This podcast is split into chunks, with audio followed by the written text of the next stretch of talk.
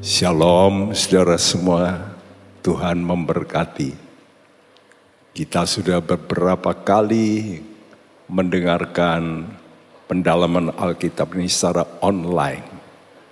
Ya, hari ini kita bicara tentang pekerja Kristus yang berbuah banyak.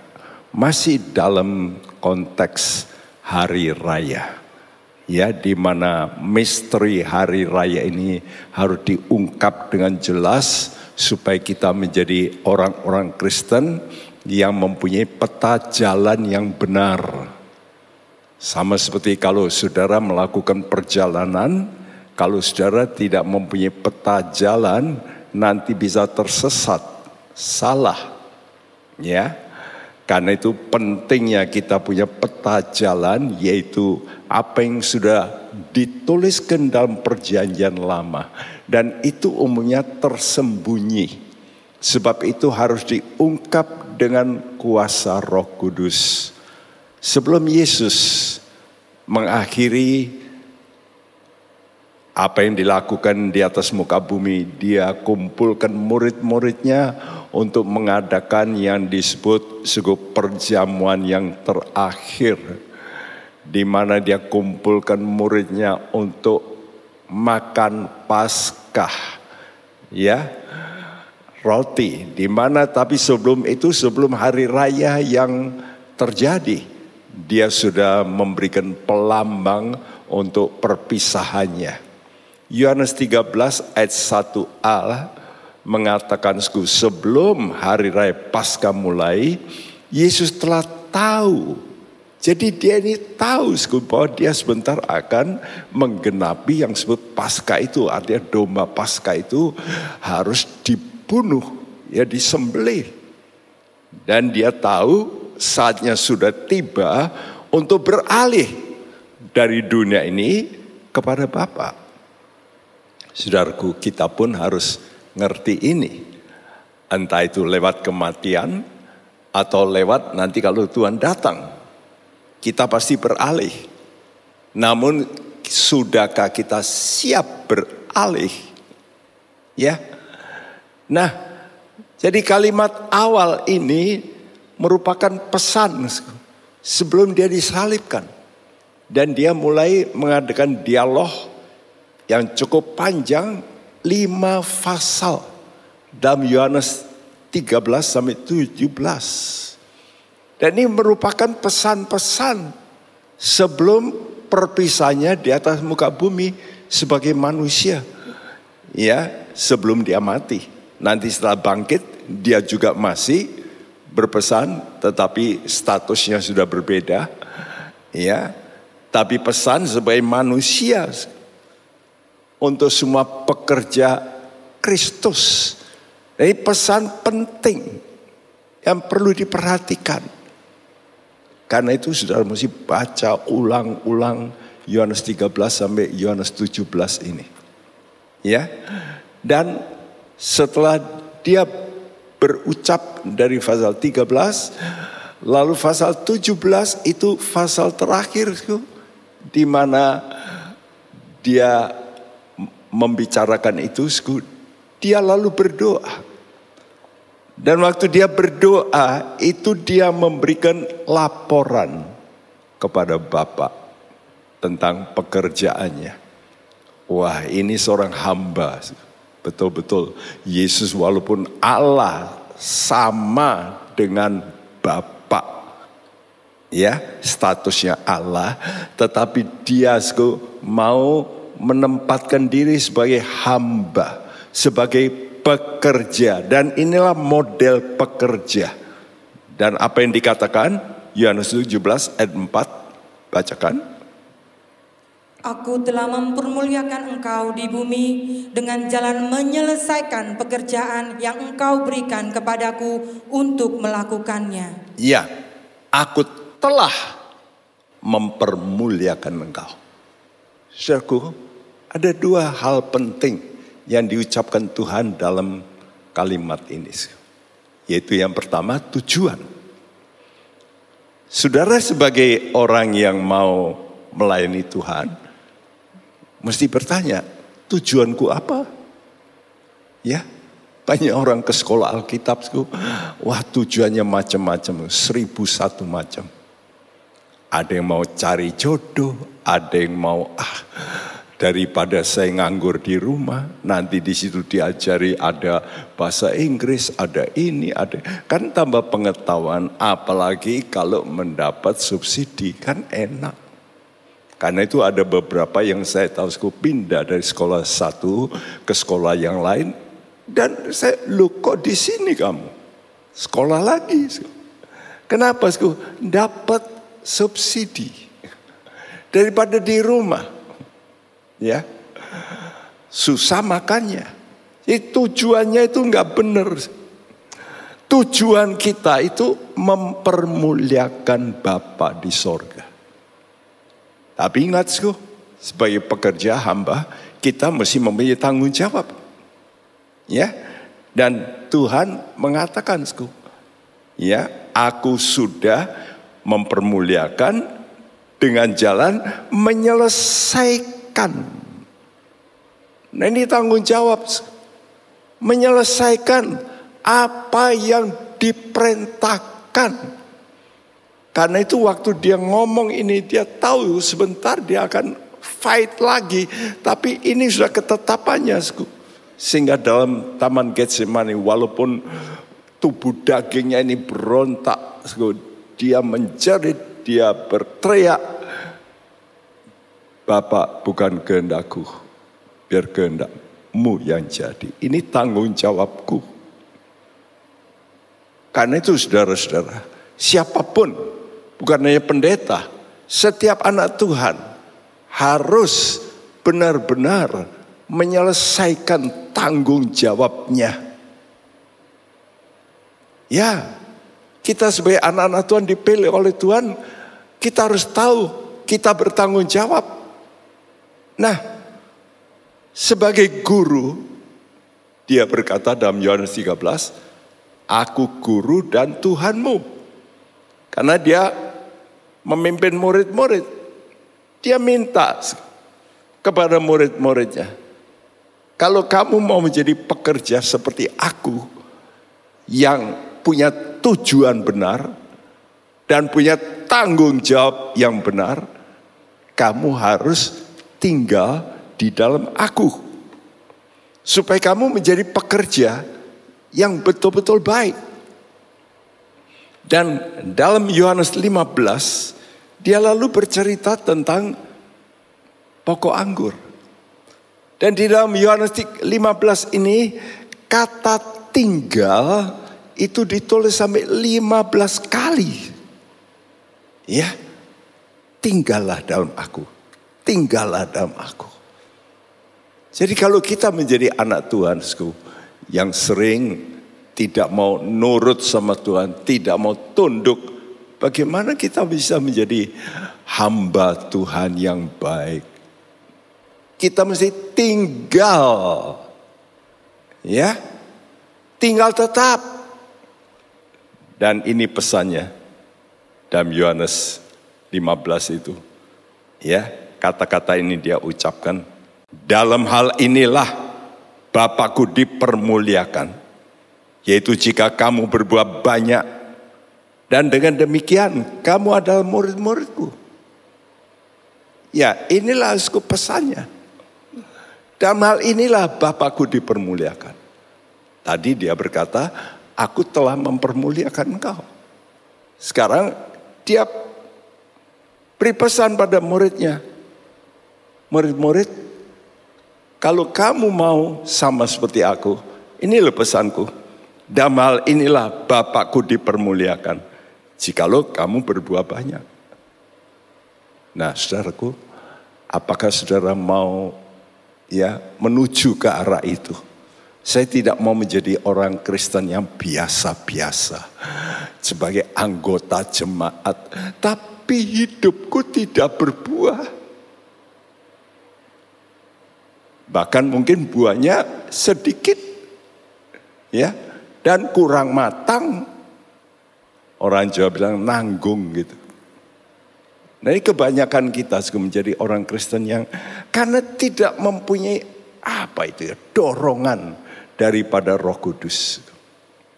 Ya, kita sudah berbicara tentang hari raya Paskah, hari raya roti tidak beragi, lalu hari raya buah sulung minggu lalu.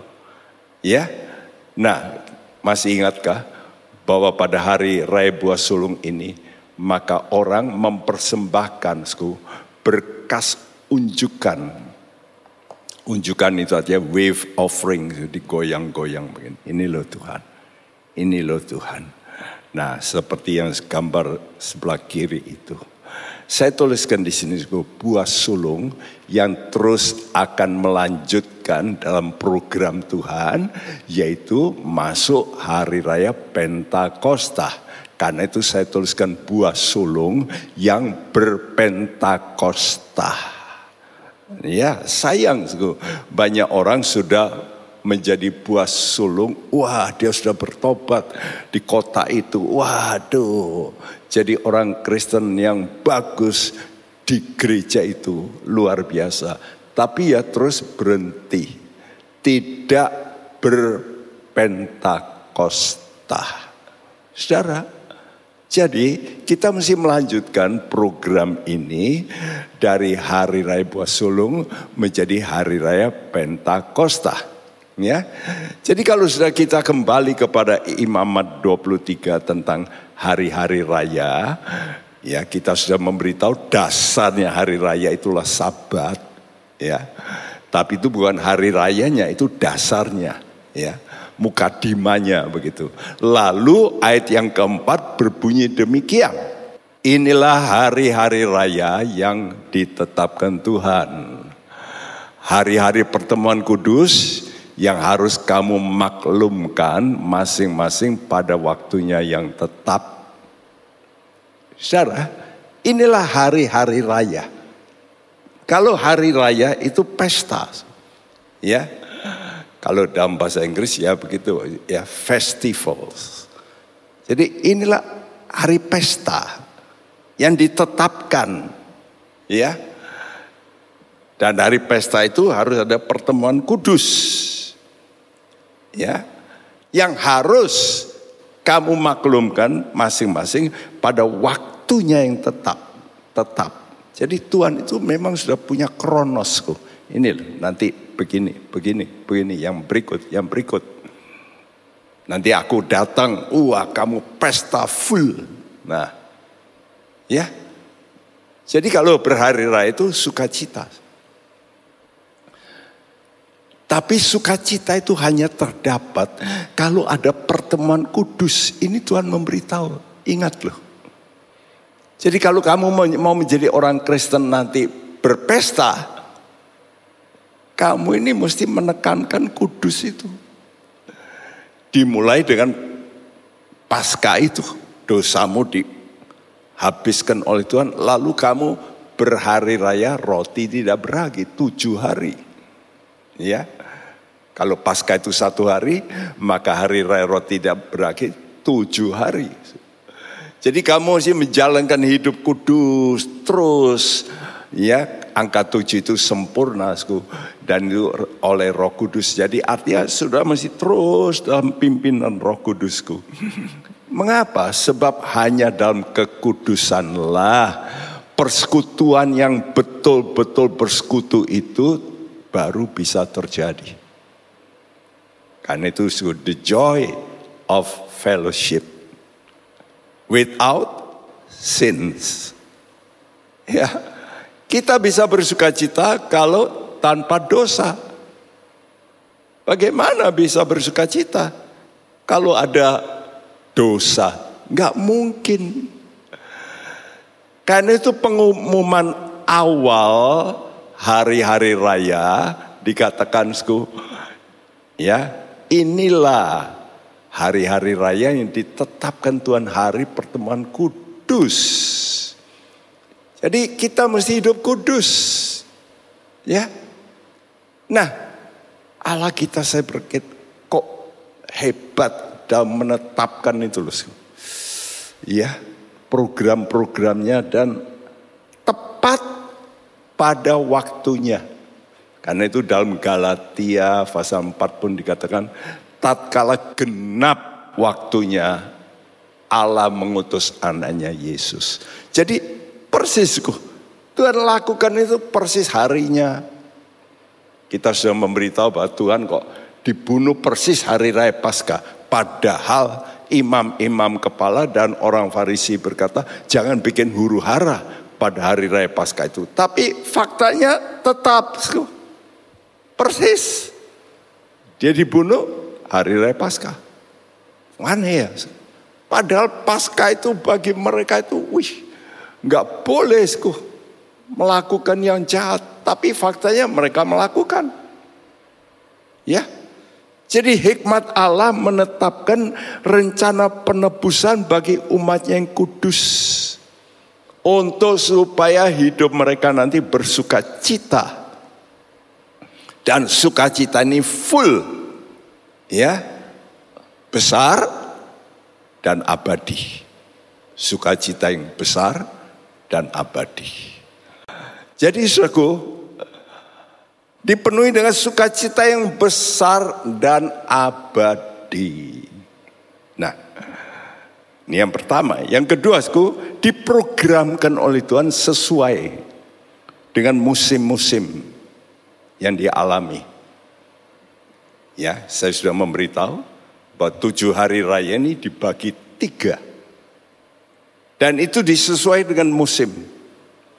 Musim semi, musim panas, musim gugur. Sama dengan kita, perkembangan rohani kita nanti juga begitu. Ya, kita bersemi, lalu kita masih panas rohani, berbuah-buah, lalu ingat kita akan mengalami masa ujian, masa keguguran dari banyak orang Kristen. Ya, dan ini Tuhan sudah kasih loh, flow chartnya ini. Dan kita ini sekarang sebetulnya dalam waktu musim gugur. Karena itu kita melihat keruntuhan-keruntuhan moral dari banyak orang Kristen terjadi. Ya. Karena kita berada pada musim gugur. Karena itu, suku. Yang ketiga, waktu kesukaan hari raya itu ditetapkan sesuai dengan perkembangan kekudusan anak-anak Tuhan. Karena itu, suku, apakah saudara engkau terus melanjutkan kekudusanmu? Kata Tuhan dalam 2 Korintus 7, supaya kita menyempurnakan kekudusan kita. Banyak orang berpikir bahwa kekudusan ini cuma diterima dari Tuhan. Itu memang betul awalnya. Sudah tidak mungkin kudus kalau bukan oleh anugerah. Tapi kamu harus juga menyucikan jiwamu. Saya ulang-ulang. Kalau soal roh manusia nggak sanggup. Sudahlah itu nggak sanggup. Karena roh kita dulu mati. Mana bisa membangkitkan. Itu hanya Allah. Tapi untuk jiwa kita itu bisa. Karena jiwa itu urusannya pikiran, perasaan, kehendak. Dan karena jiwa kita ini dipengaruhi oleh apa sih panca indera. Jadi saudara bisa menahan panca indramu untuk tidak melihat film kotor. Betul enggak? Engkau berkata Tuhan kuduskan saya tapi lihat film kotor. Lah gimana? Gak mungkin. Jadi waktu kesukaanmu itu tergantung dari perkembangan kekudusanmu. Ini perlu dihayati. Ya, jadi saya ulangi ada tujuh hari raya, yaitu pada musim semi, yaitu hari raya Paskah, roti tidak beragi, dan buah sulung. Ya, nah ini satu kelompok ini. Kelompok tiga ini bicara kekudusan. Ya, lalu pada musim panas, yaitu hari raya penuaian atau hari raya minggu-minggu Dalam bahasa Indonesia hari raya tujuh minggu. Atau Pentakosta yang paling terkenal.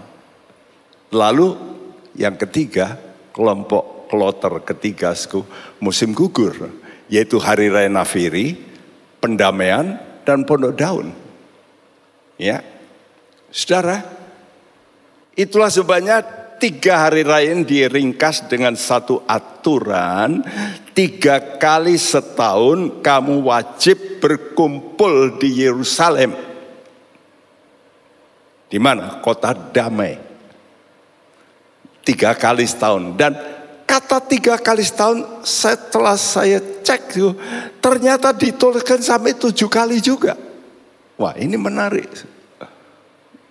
Ya, tiga kali setahun ini dituliskan sampai tujuh kali. Dalam ayat-ayat yang saya tuliskan di situ. Keluaran 23 terus dan seterusnya. Saudaraku. Jadi Tuhan itu sudah program begitu rupa. Ini loh. Ini menurut draft yang aku buat master plan-nya. Kamu nggak bisa lari dari master plan ini. Kamu harus lakukan menurut master plan ini ya. Karena itu kita harus melakukan sku apa yang Tuhan minta pada musim gugur ini, yaitu hari raya Nafiri. Ayo kumpul toh, kumpul. Karena kalau Nafiri ditiup itu artinya wih tanda bahaya. Artinya mau perang gitu. Ya. Jadi sangka kalah dibunyikan supaya ayo kumpul. Karena itu kalau ada gereja, yang berkata, ah, saya tidak mau kumpul karena gereja kami ini spesial. saya berkata, ini wah spesialnya apa toh? Ya, sampai nggak mau kumpul. Padahal Tuhan buat hari raya Nafiri, lalu pendamaian. Nah di situlah kalau kumpul mesti betul-betul berdamai. Bagaimana bisa kumpul? Kalau sudah itu nanti hari raya Pondok Daun. Di mana kita akan mengalami sukacita yang luar biasa. Ya, tapi oleh karena itu suku didahului dengan musim semi itu tadi. Ya, musim semi adalah musim di mana awal tanaman-tanaman itu bertumbuh. Dan itulah saat di mana secara rohani rohani itu mulai tumbuh. Kapan? Kalau dosa itu disingkirkan. Pertama oleh darah Yesus, Paskah. Lalu dilanjutkan dengan hari roti tidak beragi. Dengan membersihkan rumah. Ya, selama tujuh hari harus dibersihkan dari rumah. Keluaran 12 ayat 15. Ya, kamu makanlah roti yang tidak beragi tujuh hari lamanya. Pada hari pertama pun kamu buanglah segala ragi dari rumahmu. Sebab setiap orang yang makan sesuatu yang beragi, dari hari pertama sampai hari ketujuh, orang itu harus dilenyapkan dari antara Israel. Orang itu harus dilenyapkan. Kalau tidak melakukan pasca, mati juga. Tapi setelah pasca apa? Hari roti tidak berarti. Kalau tidak melakukan, ya mati juga. Jadi jangan kita berpikir, oh Tuhan Yesus saja yang menentukan mati dan hidup. Saya sudah terima Tuhan Yesus, berarti saya hidup. Tapi kalau engkau tidak mau buang ragi, engkau pun mati. Dan heran, kalau acara-acara hari raya yang lain itu di rumah Allah. Tapi kalau ini tidak di rumah Allah, di rumah bersihkan ragi itu dari rumahmu. Makanya kita di lockdown ini ya bagus ya, supaya gimana kehidupan rumah. Faktanya ternyata setelah didata dengan COVID ini, ternyata di Shanghai angka perceraian naik wih karena kumpul terlalu lama di rumah. nah itu kelihatan itu. Ya kalau sudah kumpul itu loh. Ya tak? Kalau nggak kumpul ya ndak benturan. Coba hidung ini dengan punggung saudara. Apa pernah benturan? Kalau ada yang pernah benturan itu hidungmu hidung gajah ya.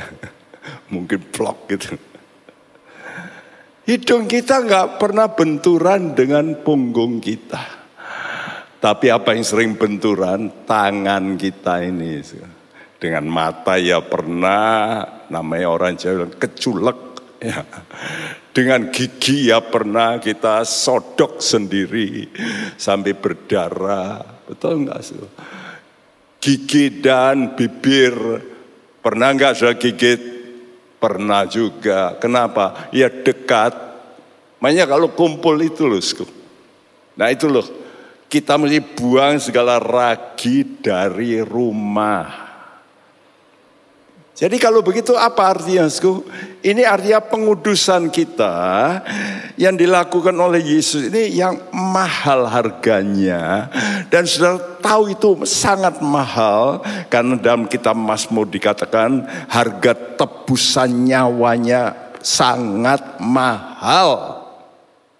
Kalau itu betul mahal, engkau hargailah dengan penyucian jiwamu dalam praktek hidup di rumah.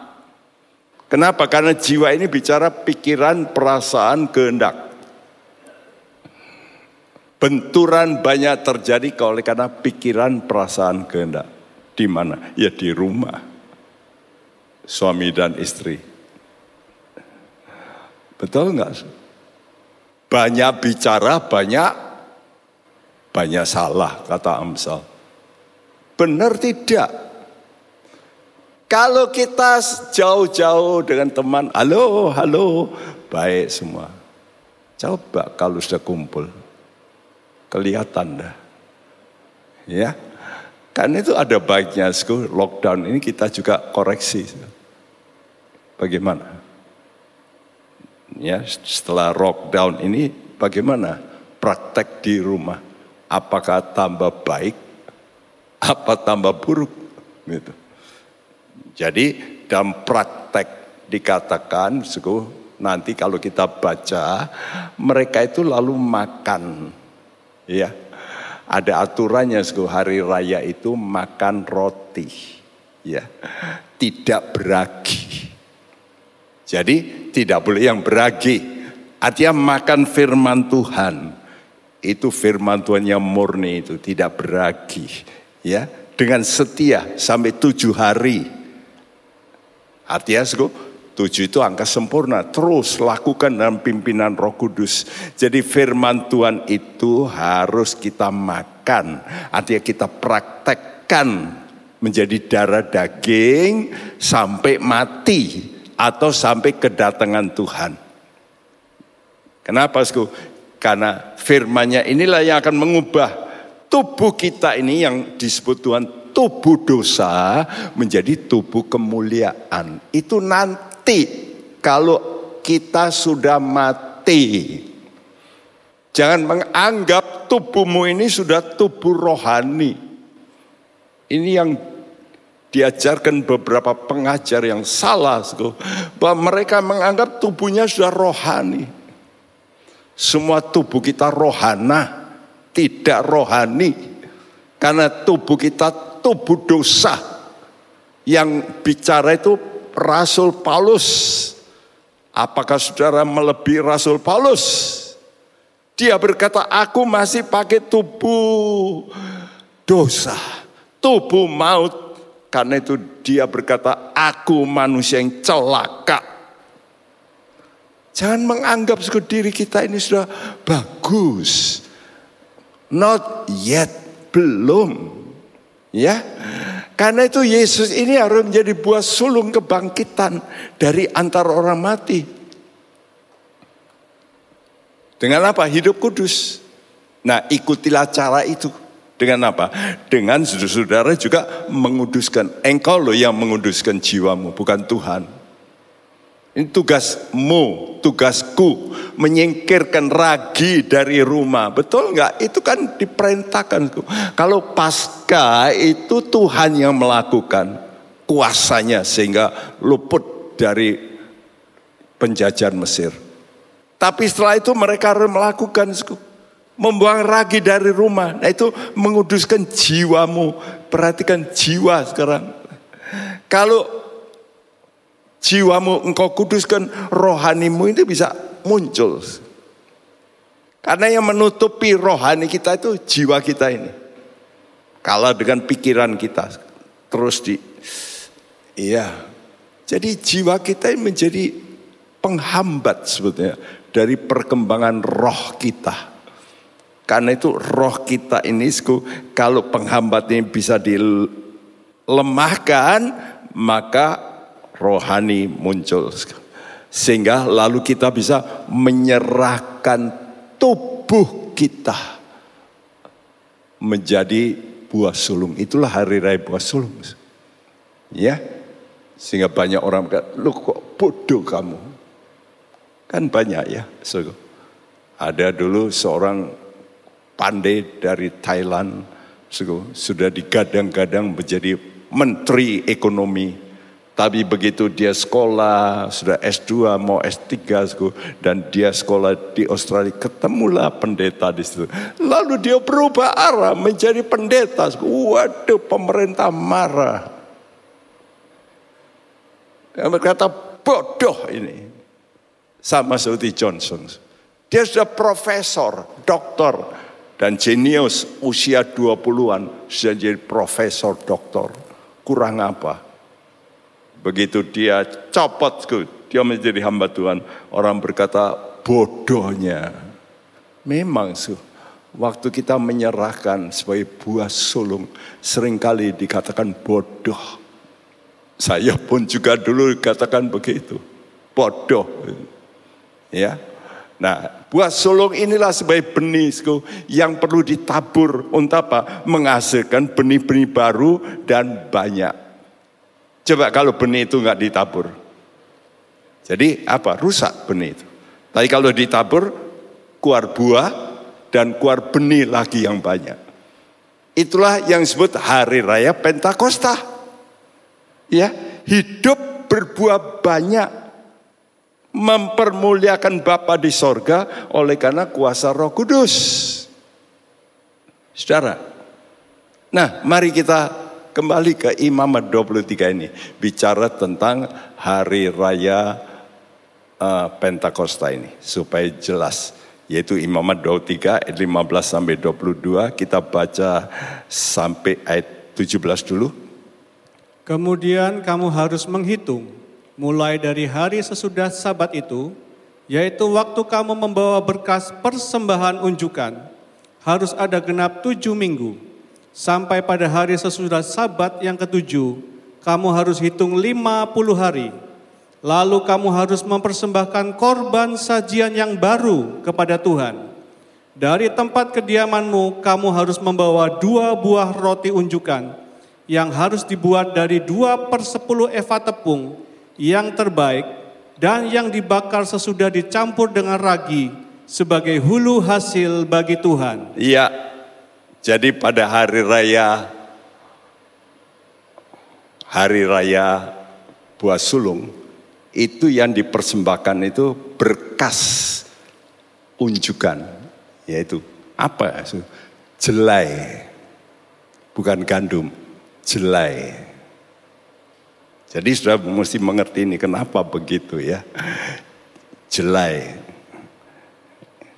Lalu lalu harus dihitung 50 hari, lalu persembahan yang berikut dikatakan korban sajian yang baru. Nah, ini saya tulis barunya ini huruf besar supaya membedakan. Kalau tadi berkas jelai, sekarang bukan lagi berkas gandum tapi roti. Ya. Dua roti unjukkan. Jadi gandum yang diproses. Beda enggak?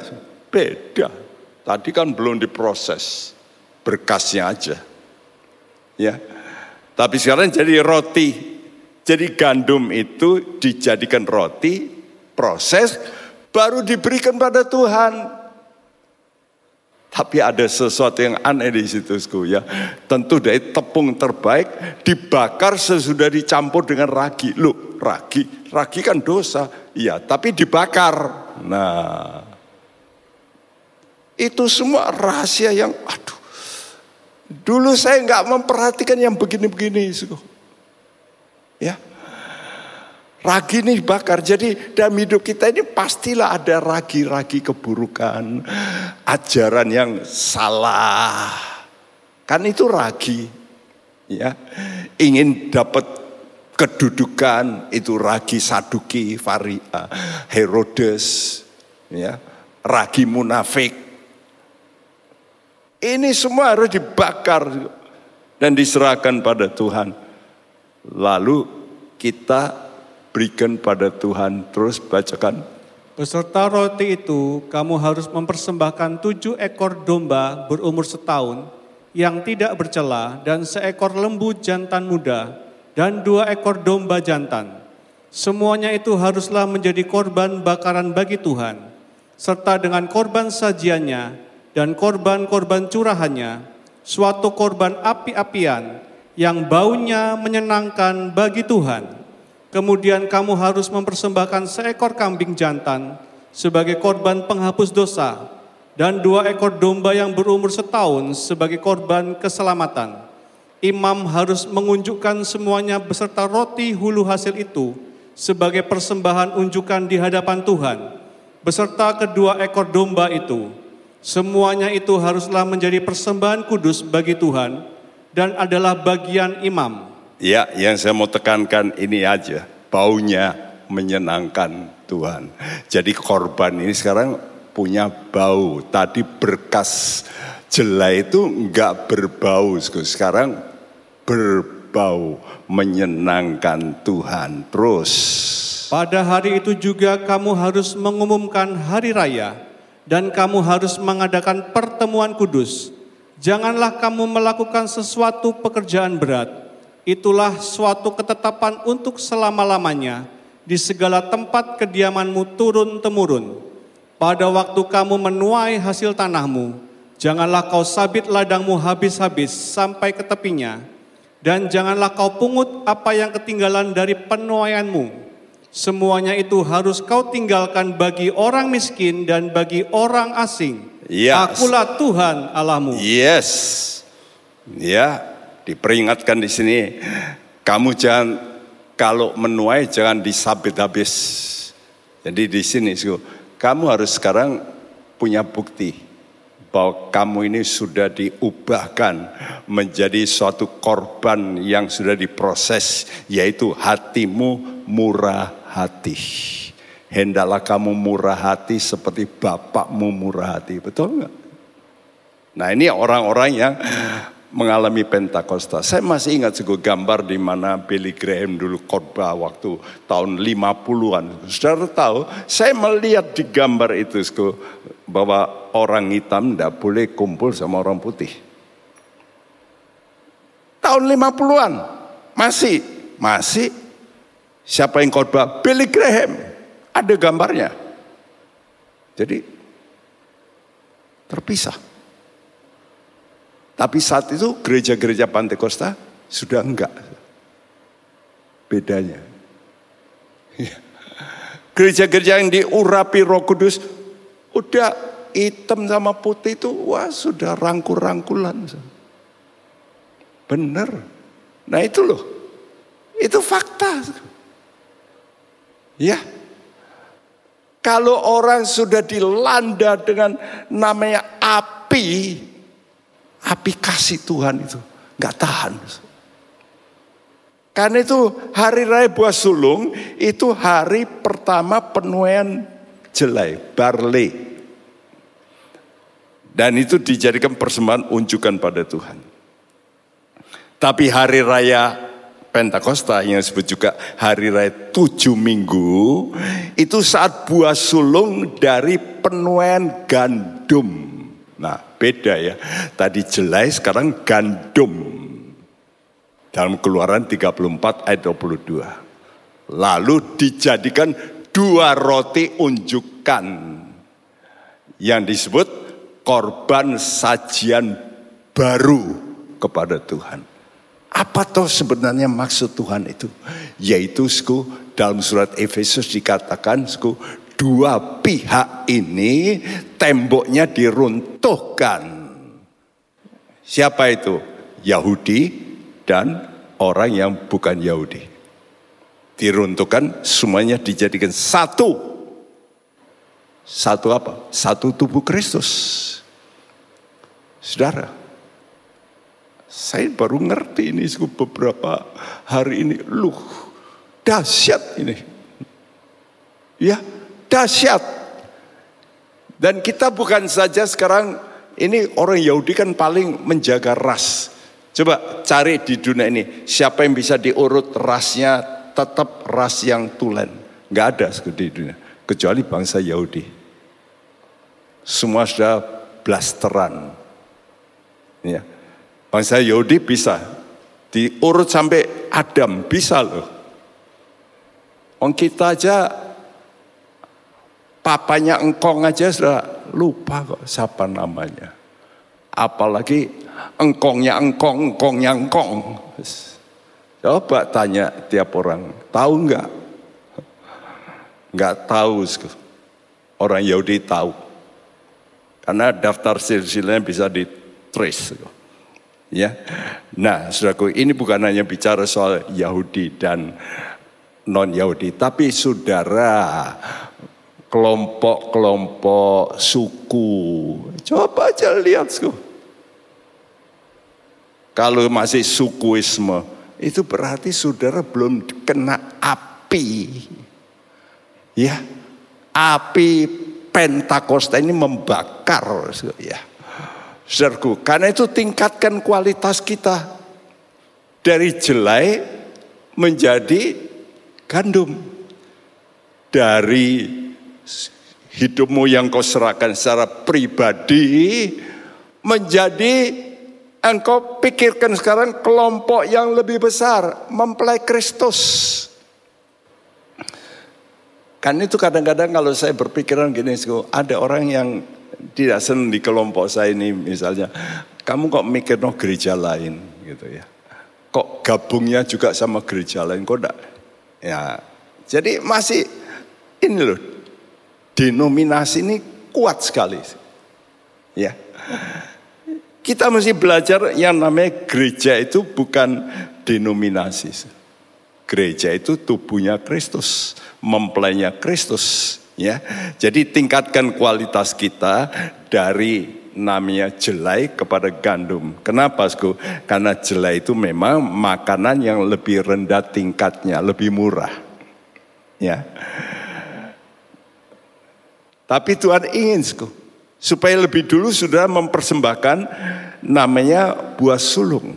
Nah, buah sulung ini semacam itu, jelai. Karena itu pribadi, penyerahan pribadi. Namun Tuhan itu lebih senang kalau saudara itu bisa memperkenankan Tuhan jauh lebih tinggi kualitasnya. Yaitu dengan apa? Yaitu mempersembahkan buah sulung dari penuaian Pentakosta, penuaian gandum. Itulah penyerahan sebagai tubuh Kristus.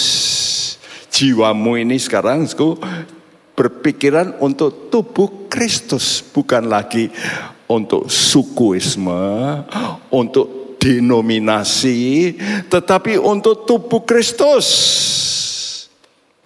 Nah, kalau orang sudah punya pikiran ini, barulah dia betul-betul Tuhan kata, aduh, betul. Apa yang aku minta yaitu kamu jangan menghadap hadiratku dengan tangan hampa, ya. Dan waktu saya mulai memperoleh ini, Tuhan buka lagi.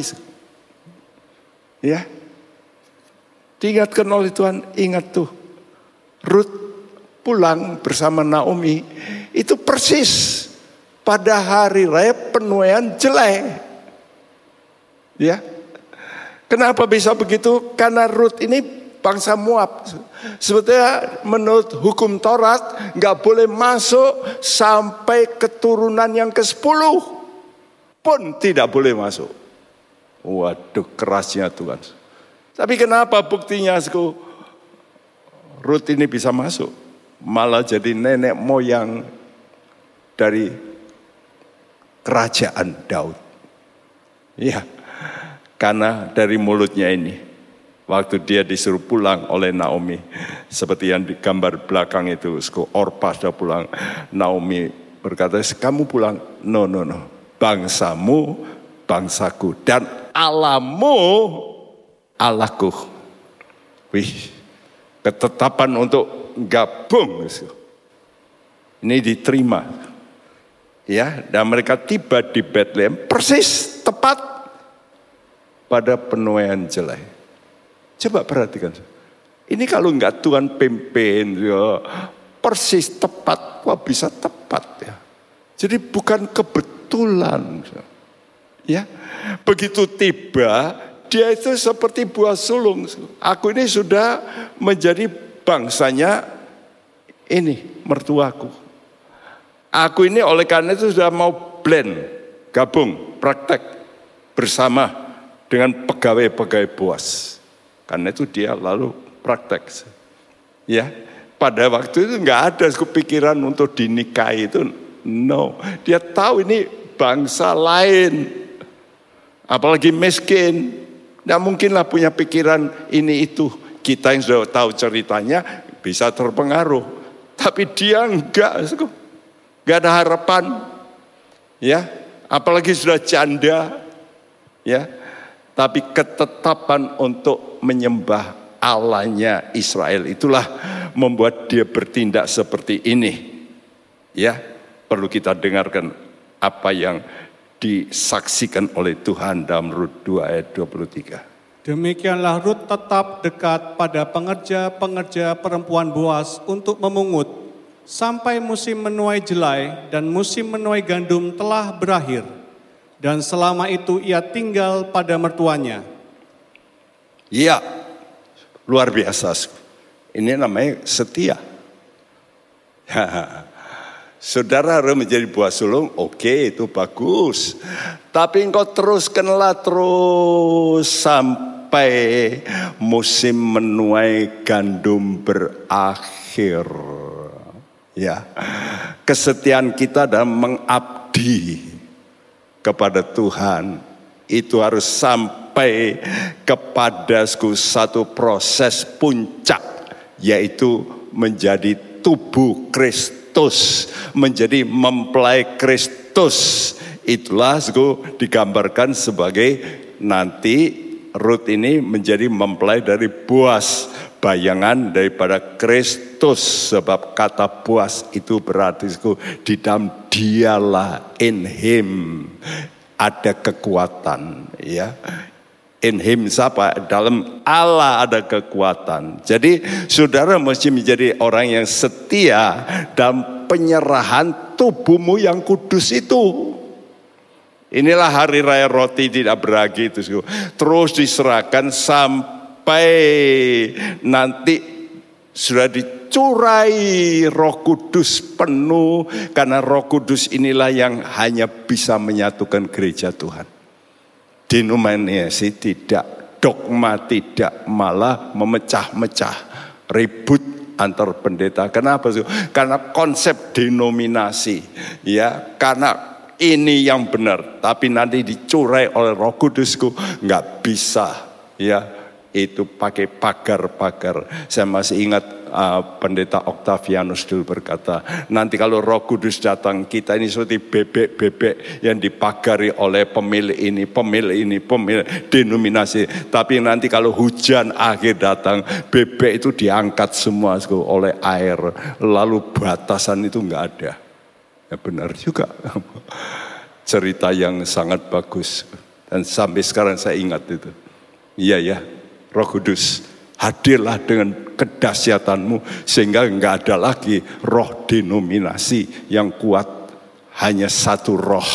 Ya itulah roh kudus. Sehingga kita menjadi pekerja yang tidak usah malu kalau ketemu dengan Yesus sebagai mempelai. Kenapa karena tangan kita sudah tidak hampa tapi berisi karena itu seperti apa yang pesan Paulus kepada Timotius ini Usahakanlah supaya engkau layak di hadapan Allah sebagai seorang pekerja yang tidak usah malu, yang berterus terang memberitakan perkataan kebenaran itu. Iya, kita nggak usah malu memberitakan perkataan kebenaran seperti ini. Karena punya dasar, dasarnya firman Tuhan pasti benar. Ya, seorang pekerja yang tidak malu. Nah, Ruth itu model pekerja seperti itu meningkatkan kualitasnya. Dia terus sampai menyelesaikan sampai penuaian gandum. Dan di situlah baru terjadi yang namanya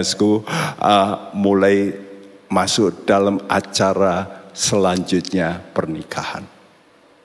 Dulunya tidak karena itu jangan kita mempunyai pikiran yang terlalu cepat sebelum rohani kita berjalan cepat.